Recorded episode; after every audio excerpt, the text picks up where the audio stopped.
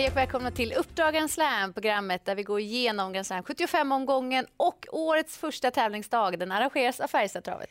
Som är känd för att vara en snabb bana och har relativt kort upplopp, 177 meter. Och nu vidare till veckans snackisar där vi börjar med den första rubriken som lyder Uthållighet lönar sig. Ja, vi kommer ju från Winterburst vilket har inneburit åtta V75-omgångar på nio dagar. Så många kan vara lite trötta efter all pluggande, kanske lite trötta också efter nyårsfirande. Men då gäller det att gräva ner sig lite extra i den här omgången för då har man ju klar fördel gentemot de andra spelarna. Och vill man ha koll på statistiken så säger den att vintertid inte gynnar ledaren på Färjestadtravet. Nej, som normalt sett är känd för att vara en riktig spetsbana och det stämmer verkligen på sommaren. Då är det 51 procent av vinnarna som hittas från ledningen enligt travfakta. Men vintertid, ja, då sjunker den siffran till 42 procent. Eh, så det är klar skillnad. Fortfarande fördelaktigt att sitta ledningen, men inte lika bra som på sommaren. Och den sista rubriken är ju 5,5 miljoner kronor i jackpot. Det är en rejäl pott. Det är ju det, för det var ingen utdelning på fem rätt förra omgången och eftersom det redan var jackpot till den omgången så blir den så här stor och den är fördelad på alla tre vinstpooler. Så även om man inte lyckas hitta sju rätt så får man ändå ta del av jackpotpengarna för fem och sex rätt. Och då har ni fått förutsättningarna serverade och vi går vidare till veckans heta.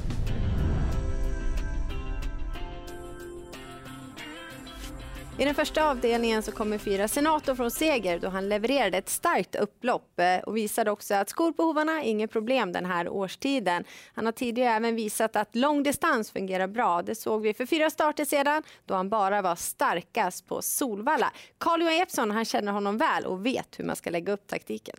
Och går vi till den tredje avdelningen så är det kallblod som gör upp om segern. Och här tror jag mycket på nummer tre, Pave Tore, som imponerade vid segern senast just på Färjestad-ovalen. Han kommer från två starka insatser och går han återigen en låg 28-tid, ja då tror jag att de andra konkurrenterna får svårt att hinna ikapp honom. Dessutom så trivs han ju väldigt bra på svensk mark. Fyra av hans nio segrar i karriären är tagna här. Och sedan fortsätter du med spår 3. Precis, i den fjärde avdelningen 3 Explode som verkligen har visat den rätta inställningen och fin form här på slutet. Han vann näst senast och höll bra i klart tuffare sällskap som trea bakom tuppen senast på Åby. Nu är det lämpligare motstånd, han kan öppna bra bakom bilen och han har också visat att han tål att göra en hel del jobb på egen hand. Så det blir spännande att se honom över kort distans den här gången.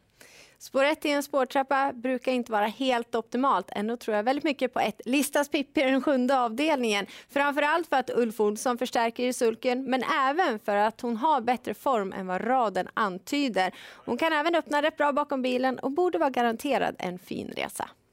Och den sista heta hittar vi hos veckans profil som är André Eklund.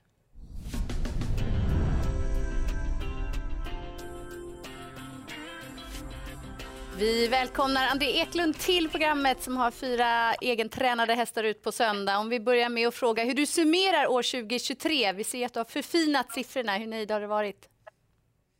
Ja, men det har ju varit ett jättefint år tycker jag.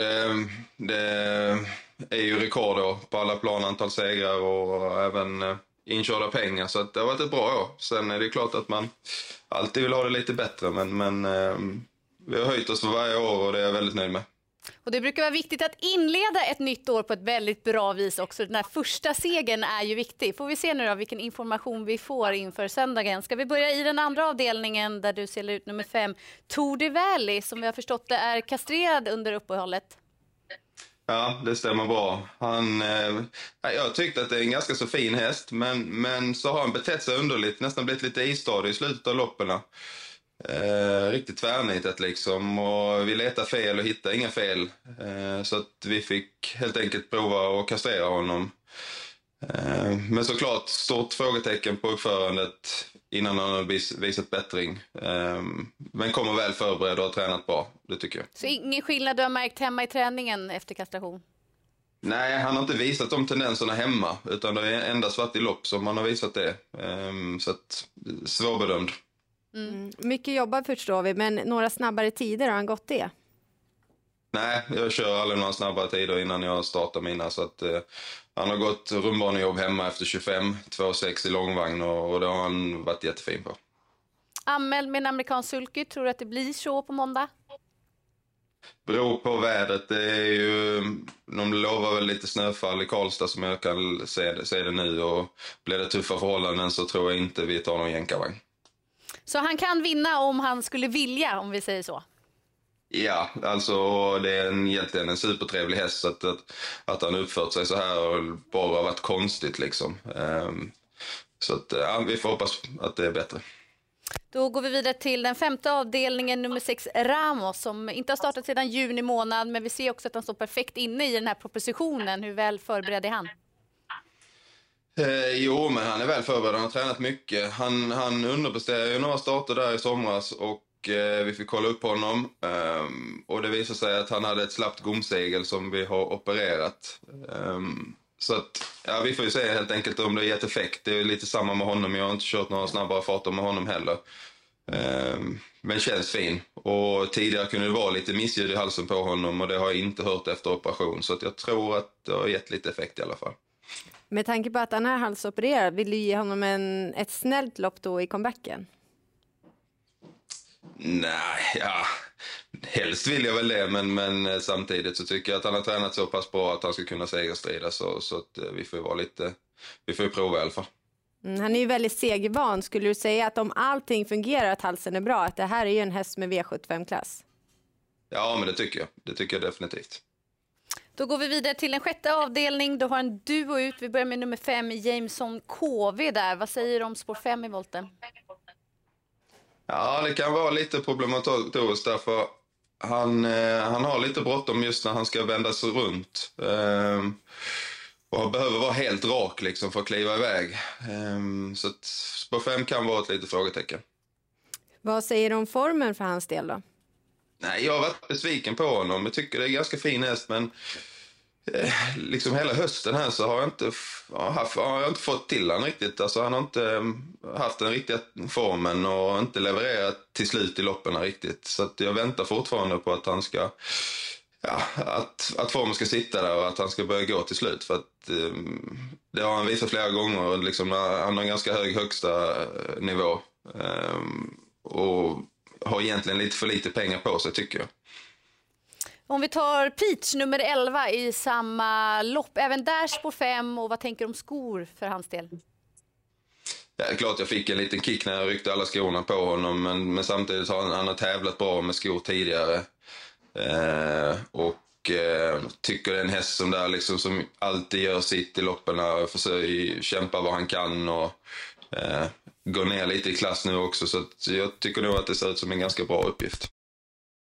Bästa chansen av alla de här fyra, kan du säga vem du tror mest på? Ja, men jag får nog säga Peach ändå, för han har visat fin form hela hösten och, eh, ja, och på, på pappret har han en väldigt bra uppgift tycker jag. Då tackar vi så mycket för informationen och lycka till André. Tack så mycket, ha det gott.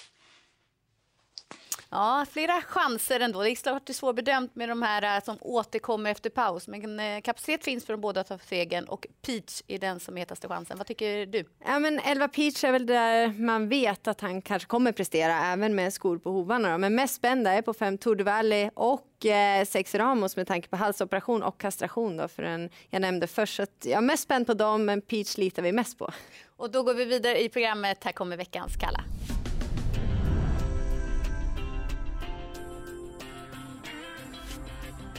Vi börjar i den andra avdelningen med nummer 11, Viktor Flack som har bra fart för klassen och har vunnit två av sina tre lopp hittills. Dock är han inte helt enkel. Han är väldigt framåt och han har galopperat i två av de här tre starterna. Dessutom är eh, bakspår över kortdistans och ingen jag vågar lita på.